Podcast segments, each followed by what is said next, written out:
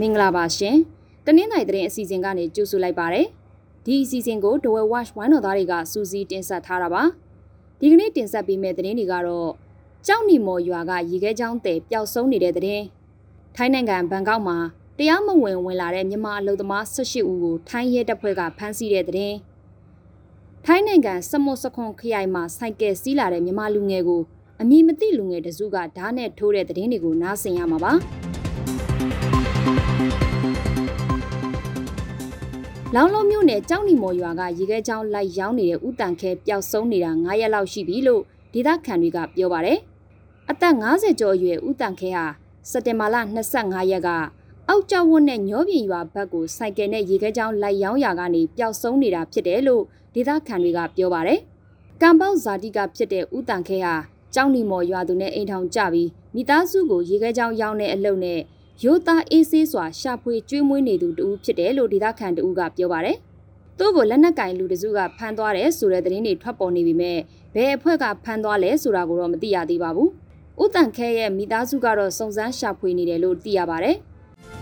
။ထိုင်းနိုင်ငံဘန်ကောက်မြို့အနီးပထုံဌာနီခရိုင်မှာတရားမဝင်ဝင်ရောက်လာတဲ့မြန်မာအလုပ်သမား18ဦးဖမ်းဆီးခံခဲ့ရပါတယ်။စက်တင်ဘာလ28ရက်ညက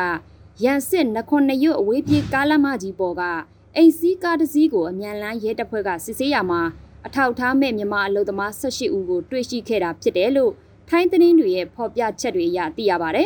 ။အလုပ်သမားတွေဟာထိုင်းမြန်မာနယ်စပ်တခရိုင်ဝမ်ကျောက်ဒေသကိုတော်လန်အတိုင်းတရားမဝင်နယ်စပ်ဖြတ်ကျော်ဝင်ရောက်လာသူတွေဖြစ်ပါတယ်။ဘန်ကောက်မြို့မှာအလုပ်လုပ်ဖို့ပွဲစားကိုဘတ်15000ကနေ2500အထိပေးခဲ့ရတယ်လို့ထိုင်းသတင်းတွေမှာဖော်ပြထားပါတယ်။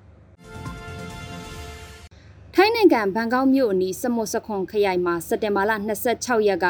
စိုက်ကယ်နဲ့အိမ်ပြန်လာတဲ့မြန်မာလူငယ်တဦးကိုအမည်မသိလူငယ်၄ဦးက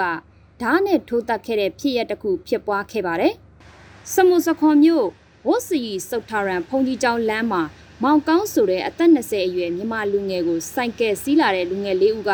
ရှေ့နောက်ပိတ်ဆို့ပြီးဓားနဲ့ထိုးခဲ့ကြတာပါ။မြန်မာအလုပ်သမားရဲ့ခန္ဓာကိုယ်နဲ့နောက်ကျောမှာဒဏ်ရာများစွာရရှိခဲ့ပြီး သွေးထွက်လွန်တိတ်ဆုံးခဲ့တယ်လို့ထိုင်းသတင်းတွေရဲ့ဖော်ပြချက်တွေအရသိရပါတယ်။ရဲတပ်ဖွဲ့ကလူတက်မှုကျူးလွန်ခဲ့တဲ့အမည်မသိလူငယ်၄ဦးကို CCTV မှတ်တမ်းတွေကတဆင့်ခြေရခံလိုက်လံဖမ်းဆီးသွားမယ်လို့ပြောဆိုထားပါတယ်။